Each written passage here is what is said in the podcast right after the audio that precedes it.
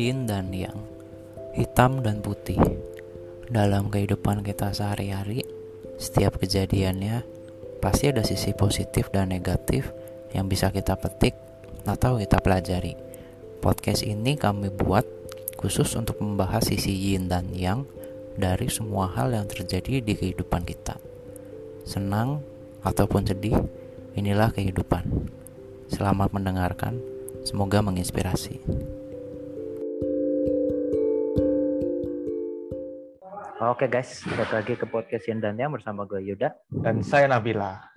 Dan ini kita episode ke-15 berarti ya Mas? 15 ya? dong. Nah ini di episode ke, berarti ini kita secara jumlah episodenya Mas, yang season 2 udah sama banyaknya nih, kayak yang kemarin season 1 nih. Udah sama-sama 15 episode nih Mas. Lanjut aja Yud. Lanjut. Lanjut. Sampai kiamat. Kalau ada kiamatnya. Ada dong. Ada. Nah ini apa namanya? Nah ini mungkin kita mohon maaf dulu guys kalau kita misalnya agak malam nih karena kan ini udah minggu malam ya mas ya. Jadi kita agak-agak mepet banget nih kita nguploadnya di minggu ini karena ternyata kita dari kemarin ya ada kesibukan masing-masing lah ya. Dan karena Mas Nabilnya juga puasa, ada Ya. apa eh, ada ya ada sholat taraweh apa segala macam itu harus didahulukan ya karena kan itu kewajiban agama kan. Betul Jadi ya betul. Jadi ya khusus untuk belum puasa aja kita podcastnya agak-agak mundur dikit nih. Nah, tapi ini Mas ngomong-ngomong masalah puasa, taraweh, apa segala macam, itu kan puasa menurut agamanya kamu ya, menurut agama mayoritas ya. Iya.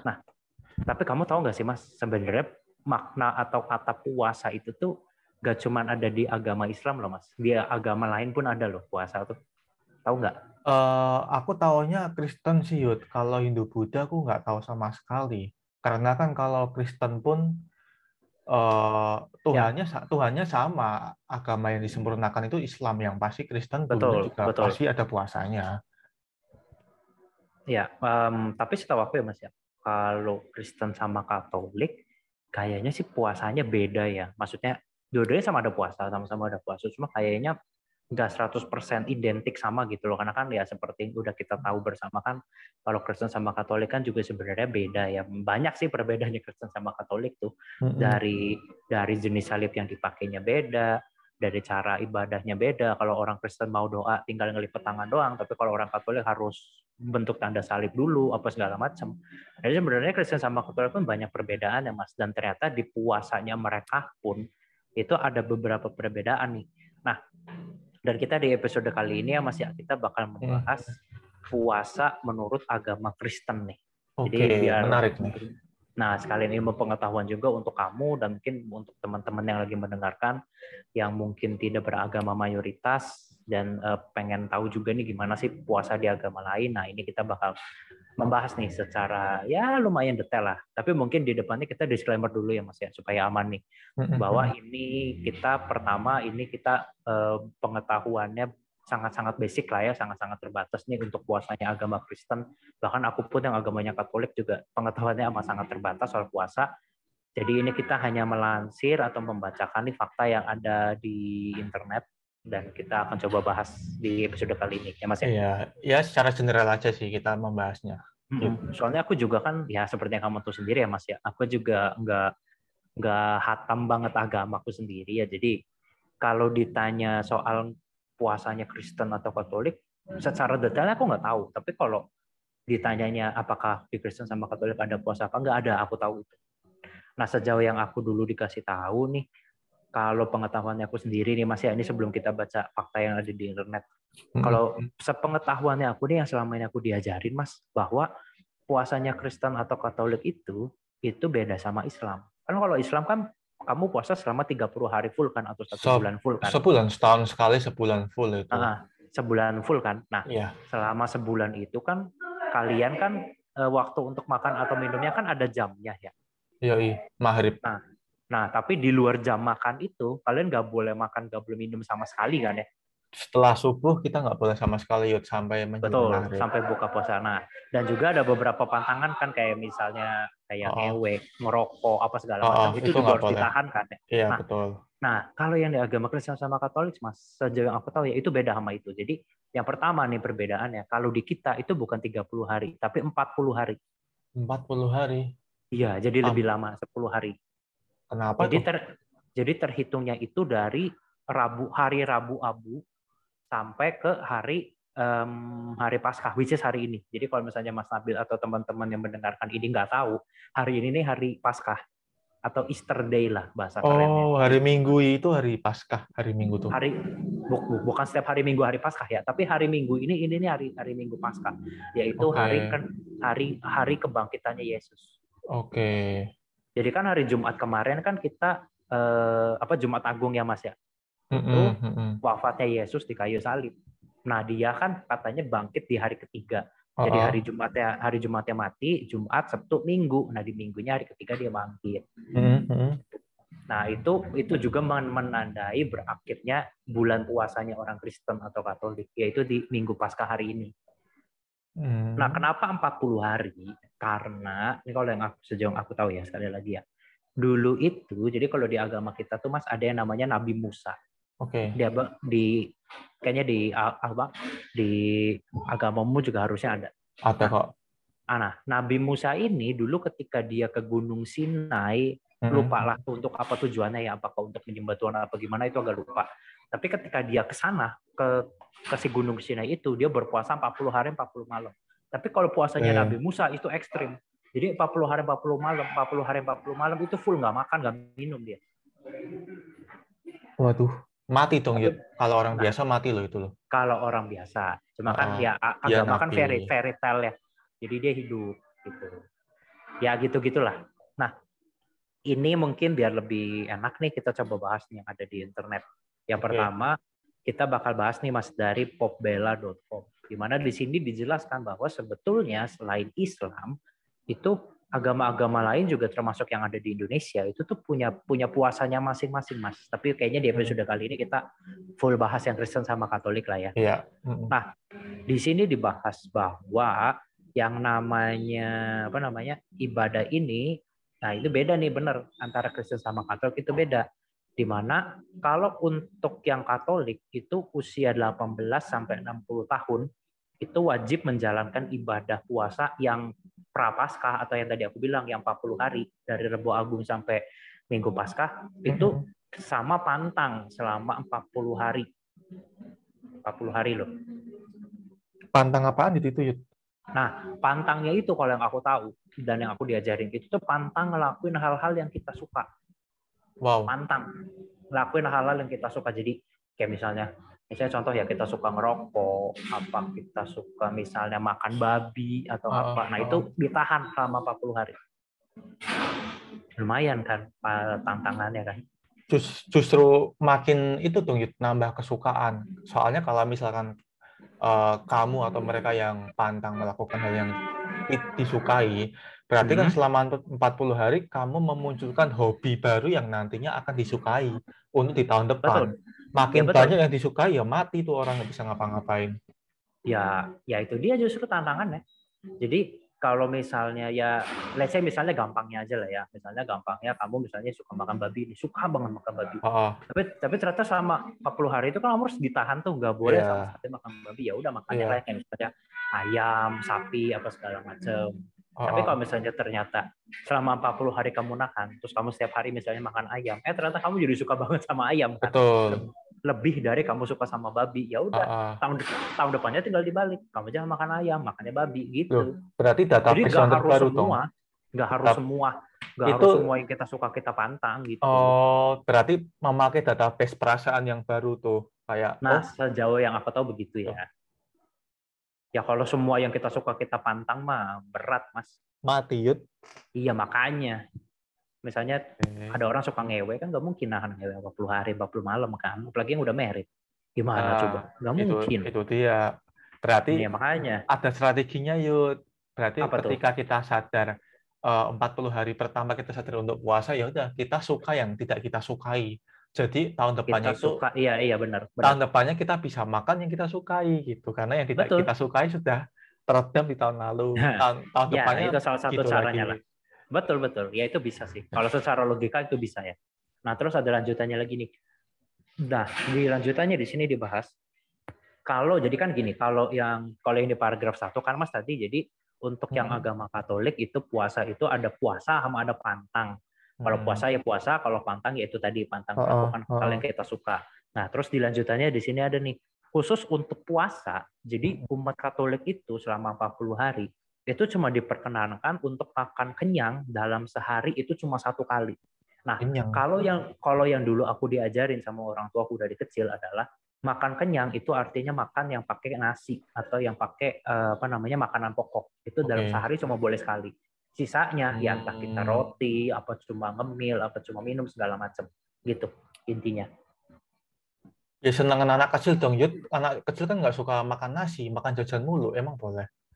Nah, makanya kan di sini, nah kalau setahu aku ya, apa namanya, eh, yang yang ikut puasa atau pantangnya di agama Katolik ya, atau Kristen mungkin itu Heeh. harus yang udah dewasa secara iman juga, jadi nggak nggak Oh. sembarang orang bocah di bawah umur bisa.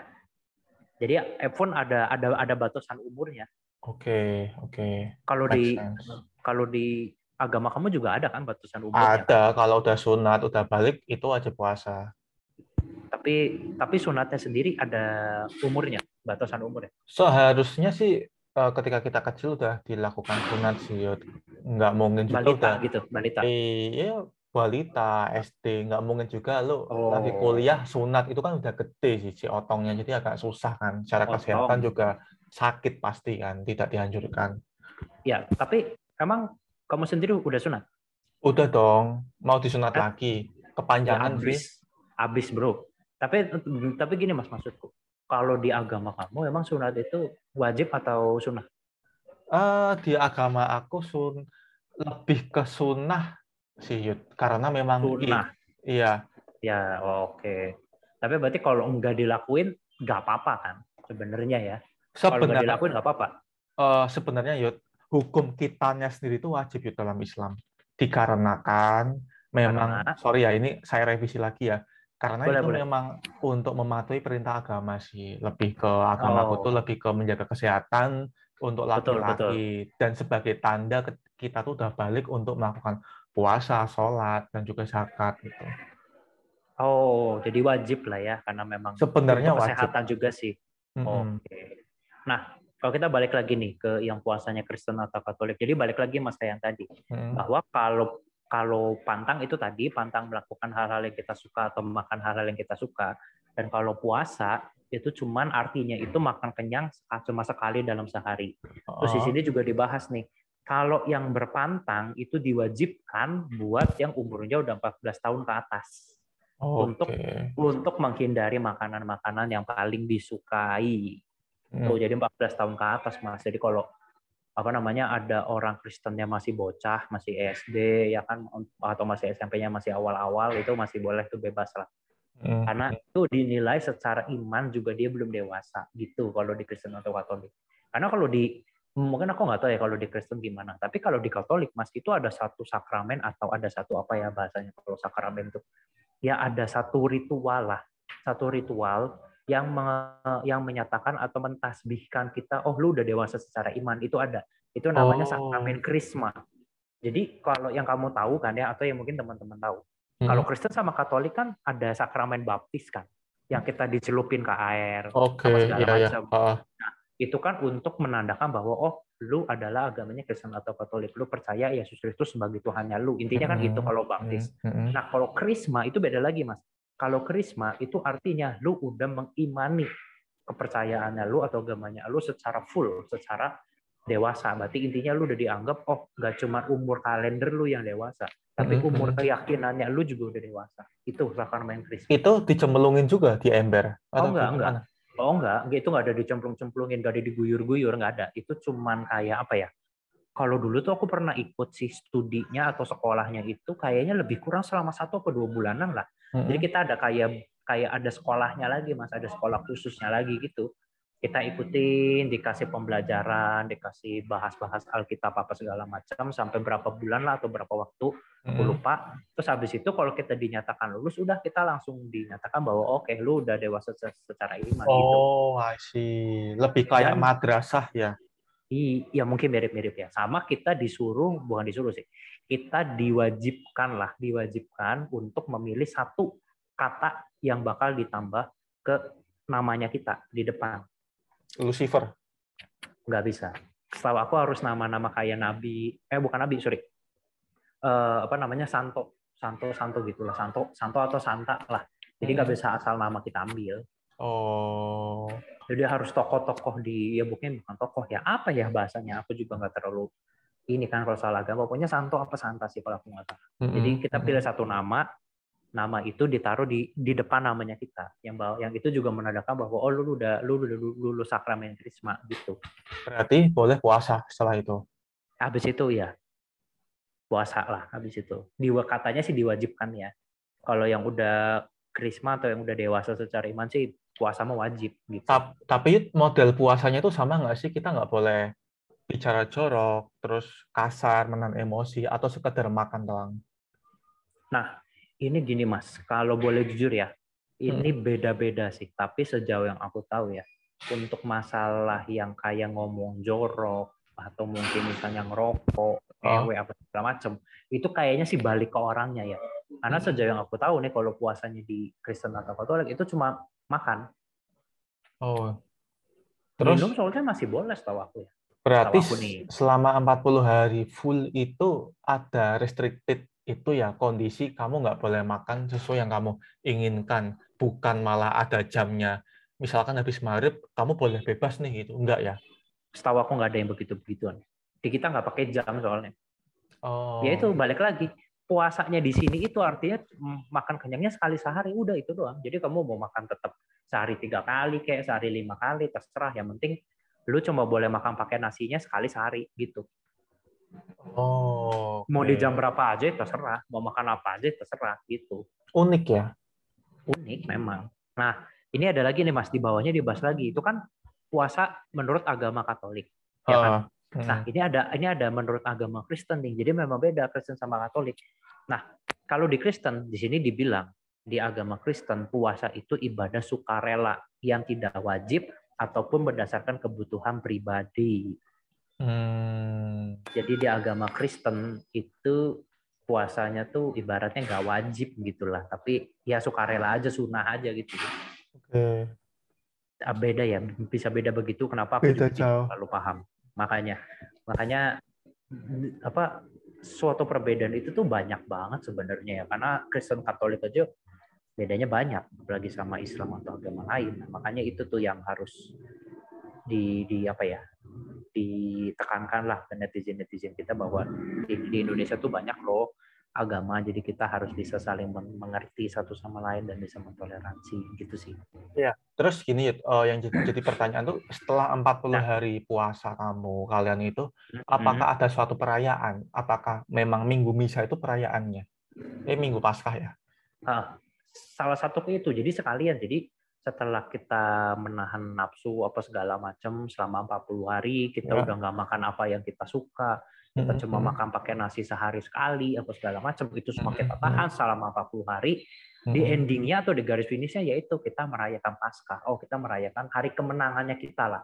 Kan di kalau di Kristen atau Katolik kan Tuhannya kita kan si Yesus Kristus itu kan bangkit di hari ketiga di hari Minggu Paskah, Mas. Mm-mm, mm-mm. Bahwa katanya kan dengan dia bangkit di hari ketiga di hari Minggu Paskah itu artinya dia sudah menyelamatkan jiwa-jiwa kita manusia. Jadi kita udah Oh. dibersihin dari semua kesalahan sama dosa yang udah kita perbuat itu kita menangnya di hari Paskah. Kalau di Kristen sama Katolik hari kemenangannya kita tuh hari Paskah. Oke, menarik. Jadi Yud. ujungnya sebenarnya sama, cuma bedanya ini 40 hari aja. Kalau di kamu kan 30 hari. 30 Dan hari sama-sama ada hari kemenangan kan bahasanya kan ada hari kemenangan. hari kan. raya Idul Fitri. Kita merayakan Nah. Lebaran. Nah, kalau di kita hari kemenangan ya itu hari Paskah. Beda kan? Jadi ini menarik nih. Terus setelah Terus- hari Paskah, apakah ada hari yang lainnya? Kalau di Islam kan ada Lebaran Idul Fitri, sebulan kemudiannya ada Idul Adha tuh, Lebaran Haji. Oh, kayaknya sih, kayaknya nggak ada ya. Cuma mungkin nggak tahu kalau mungkin kalau mungkin teman-teman yang agamanya lebih ngelotok, lebih hatam, lebih paham, boleh deh share di komentar. Tapi setahu aku sih nggak ada. Jadi kalau habis Paskah ya udah nggak ada tuh sebulan setelahnya ada apa atau dua bulan setelahnya ada apa itu nggak ada. Hmm, tapi apakah ada eh, culture yang bagi angpau ini gitu loh kebudayaan Anjir nggak ada. Enggak sih nggak ada sih. Nggak ada ya? Nggak ada nggak ada. Setahuku nggak ada. Cuman ya barangkali ada ya monggo di share. barangkali bisa jadi bahan pembelajaran juga. Ini menarik sih, uh, puasa di agama kalian tuh kayak semacam kondisi tertentu saja gitu loh. Nggak full, benar-benar full menahan hawa nafsu dan makan itu enggak sih? Ya, cuman ya mungkin mungkin kalau yang agamanya lebih hatam mungkin dia bisa sharing banyak ya. Cuma kan kalau aku kan ya kan kamu tahu sendiri aku seperti apa. Dan kalau tapi setidaknya kalau dari pengalaman yang selama ini aku jalanin selama hidup dan yang diajarin juga sama orang tua orang tuaku ya puasa di agamaku ya seperti itu. Ya ada bahasanya puasa. Cuman kalau dibandingkan sama puasanya orang muslim ya beda. Karena puasa di kita masih boleh makan dan minum bebas nggak ada jamnya. Terus juga apa namanya ada hal-hal yang pantang dilakukan tapi bukan tapi bukan makan atau minum cuman makan makanan yang kita suka aja nggak boleh jadi makan yang lain masih boleh nggak ada jamnya apa segala macam ya apa namanya cuma kalau aku boleh jujur ya kayaknya ya. sih selama aku hidup aku tidak pernah menjalankan itu secara serius sih. Nggak pernah sih beneran maksudnya tapi wajib. ketika hari puasa ya udah. Nggak maksudnya nggak ada yang kayak seperti orang Islam aja atau atau yang kayak kamu gitu oh oh berarti gue pagi siang nggak boleh makan baru baru boleh makannya lagi jam 5 jam 6 gitu jadi kayak ada perubahan habit gitu tuh. Nah kalau aku sih ngerasa nggak ada ya. Mau hmm. puasa mau enggak, sehari-hari gitu-gitu aja. Kamu mah diet, diet. Mau puasa atau enggak tetap diet, diet. enggak, bukan bukan masalah dietnya mas. Cuma maksudnya, nih ya kayak nggak ada yang ngerasa berubah aja gitu maksudnya. Itu wajib nggak sih sebenarnya puasa di agama kamu? Ah, sejauh yang aku tahu sih enggak. Cuman balik lagi ke situ tadi. Mungkin kalau ibarat di bahasa muslimnya sih ini sunnah lah kalau oh. bisa dijalanin ya lebih bagus gitu kan. Tapi kalau ternyata nggak bisa, ya, ya udah juga. Nggak yang otomatis neraka gitu nggak. Tapi itu menambah pahala, Yud. Apa cuman budaya Betul, di iya, agama? Iya, pasti aja? nambah. Itu pasti oh, nambah sih. Okay. Jadi karena yang pernah aku baca juga ya. Jadi sebenarnya gini, puasa di mana namanya? Puasa di Kristen atau Katolik itu juga ada loh. Yang namanya puasa Senin Kamis itu ada loh, Mas. Oh, ada juga. Ada. Jadi kalau di Kristen sama Katolik itu sejauh yang aku tahu, balik lagi nih ke ceritanya si Nabi si Nabi Musa tadi. Nabi Musa ke Gunung Sinai kalau di ceritanya hmm. di Alkitab itu dia perginya hari Senin. Oke. Okay. Selama 40 hari dia puasa 40 hari 40 malam di sana, nggak makan, nggak minum sama sekali. Terus dia balik lagi turun dari Gunung Sinai-nya itu setelah 40 hari itu di hari Kamis jatuhnya. Jadi makanya kenapa di Kristen sama Katolik juga ada Mas puasa Senin Kamis itu ada. Itu ngambil ceritanya Nabi Musa tadi. Tapi nggak boleh makan juga. Kayak kayak kayaknya sih sama, cuma bedanya itu ada harinya doang. Hmm. Itu khusus Senin sama Kamis gitu. Cuman okay. ya apa namanya? agak-agak agak-agak ini sih. Cuma kalau misalnya aku yang sejauh aku tahu dan yang sejauh aku baca, ya puasa di Kristen sama Katolik itu tidak wajib, cuma memang biasanya dilakukan itu tuh untuk kita apa ya kayak kita merendahkan diri kita di hadapan Tuhan atau misalnya kita pengen ada sesuatu yang diminta atau kita hmm. kayak merasa kita udah kayaknya kayaknya kita selama ini tuh kita banyak banget dosa, banyak banget yeah. salah, uh-huh. baru kita puasa. Atau misalnya kita pengen mendoakan orang lain, itu kita bisa puasa, Mas. Oh, iya sih. Karena memang di setiap apa ya, kewajiban beragama itu pasti akan ada hasil yang memuaskan juga pasti untuk kita ada berkahnya lah. Iya, jadi apa namanya kalau yang aku baca ya itu bisa apa tuh namanya kalau kita mau mendoakan orang misalnya kita punya teman atau punya kenalan apa siapa dia hidupnya lagi berantakan dia habis kena musibah mm-hmm. apa segala macam itu mm-hmm. salah satu bentuk simpatinya kita atau empatinya kita itu dengan kita puasa betul betul ya cuma nggak tahu ya itu secara ngefek by by logiknya gimana. Kenapa orang yang punya masalah kita yang puasa? Iya kan sama aja mendoakan buat orang lain. Ya tujuannya kan itu. Kayak semacam gimana ya? Kalau di agama aku ya secara hal gaib itu ketika kamu uh, un pingin mencegah sesuatu yang jelek ataupun ingin mendapatkan keberkahan salah satunya ya itu puasa salah satunya loh ya. Iya sih Ya, oke. Okay. Wah, ini seru juga yang membahas puasa ya. Cuma Menarik karena, sih. Karena punya juga pengetahuannya tidak banyak soal soal puasa di agama aku sendiri, jadi ya Cuma cuma segini nih Mas yang bisa aku sharing nih. Cuma Oke. balik lagi ya. Kalau di puasanya Kristen sama Katolik yang aku tahu dan yang aku selama ini diajarkan dan aku sempat jalankan itu adalah yang pertama itu 40 hari terus itu puasanya itu beda sama yang muslim jadi bukan berarti kita nggak boleh makan nggak boleh minum di jam tertentu Mm. Cuma bedanya adalah kita tetap boleh makan, tetap boleh minum. Cuma kita makan kenyang itu dalam sehari cuma boleh sekali. Dan kita juga diwajibkan untuk pantang, yaitu pantang makan makanan yang kita sangat suka. Selama 40 hari itu kita dipantang dulu tuh. Mm, mm, mm. Tapi habis itu ya atau sisanya ya sisanya boleh, boleh dilakukan. Ya sih, ya menarik Yud. Menurutku Yud, yang penting sih semoga lancar lah, semoga ya semoga kamu bisa mengikuti tradisi dan kewajiban agamamu juga loh ya. Itu Kurang berat sih. Berat itu itu kalau itu berat. Aku aja ke gereja terakhir udah udah tiga tahun lalu kali. Wow, gereja Udah lupa. online sekarang. bentuknya ah boro-boro gereja online jangan kan gereja online mas doanya aja udah jarang Wow, oke Yud. dulu dulu masih suka rajin maksudnya Oh. doa sebelum tidur doa bangun Hmm, tidur hmm. dulu masih sempat ada fasenya rajin Mm. sekarang sekarang kayaknya kapan terakhir doa aja lupa jangan ya. penghuni neraka nih gini. Ya, saya kembalikan ke pribadi masing-masing perihal itu. Betul, betul. Ya, harusnya sih, harusnya ya, harusnya selama hidupnya benar, lempeng, nggak aneh-aneh, nggak korupsi, nggak ngeperkosa anak orang, nggak ngebunuh, nggak ngerugiin orang. Harusnya sih masih bisa kompromi lah nanti sama malaikatnya, ya nggak mas? Ya, tanya malaikat lah, masa tanya saya. Ya, nanya malaikat mah nggak dijawab kan. Mereka nanya orang aja. Kalau nanya orang dijawab yuk, tapi kalau nanya hal yang gaib belum tentu dijawab memang. Ya, berat sih yang beginian ya.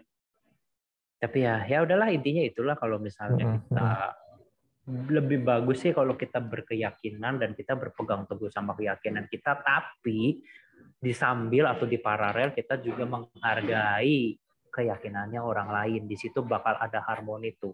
Tapi, tapi kalaupun misalnya teman-teman yang mendengarkan podcast yang episode ini, ternyata kalian ternyata sama seperti saya, which is adalah orang yang apa ya bisa dibilang bukan ateis juga sih, lebih ke agnostik kali ya, yaitu Tuhannya sih percaya, percaya ada Tuhan sih percaya, cuman agamanya ini loh, konsep agama menurut aku bullshit. Nah untuk orang-orang seperti aku dan mungkin teman-teman yang mendengarkan yaitu kalau buat aku sendiri sih mas, yang penting lu hidupnya yang bener lah, dari lu hidup yang bener, yang lempeng, nggak usah ngerugiin orang, jangan bikin sedih orang apa segala macam sih ya insya Allah lah kalau ternyata surga neraka tuh ya insya Allah lah masuk surga gitu Ya, terlepas dari hidayah yuk, eh, aku setuju. Yang penting toleransinya yang harus kita junjung Iya, tinggi. udah.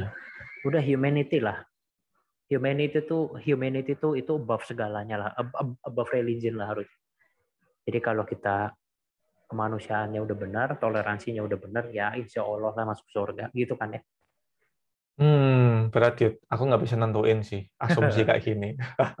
ya insya Allah makanya namanya kan juga insya Allah Ya, oke Yud. oke Thank oke, you sip. informasinya loh ini ini. juga ini juga sudah malam kita juga mesti istirahat besok harus kerja keras sebagai kuda lagi dan apa namanya eh, thank you nih untuk teman-teman yang sudah mendengarkan dan mungkin juga sempat menunggu nih karena di minggu ini kita rada ngaret ya mas ya kita Ya, bisa rekaman dan uploadnya di minggu malam. Kita biasanya sabtu sabtu pagi atau sabtu malam paling telat udah bisa.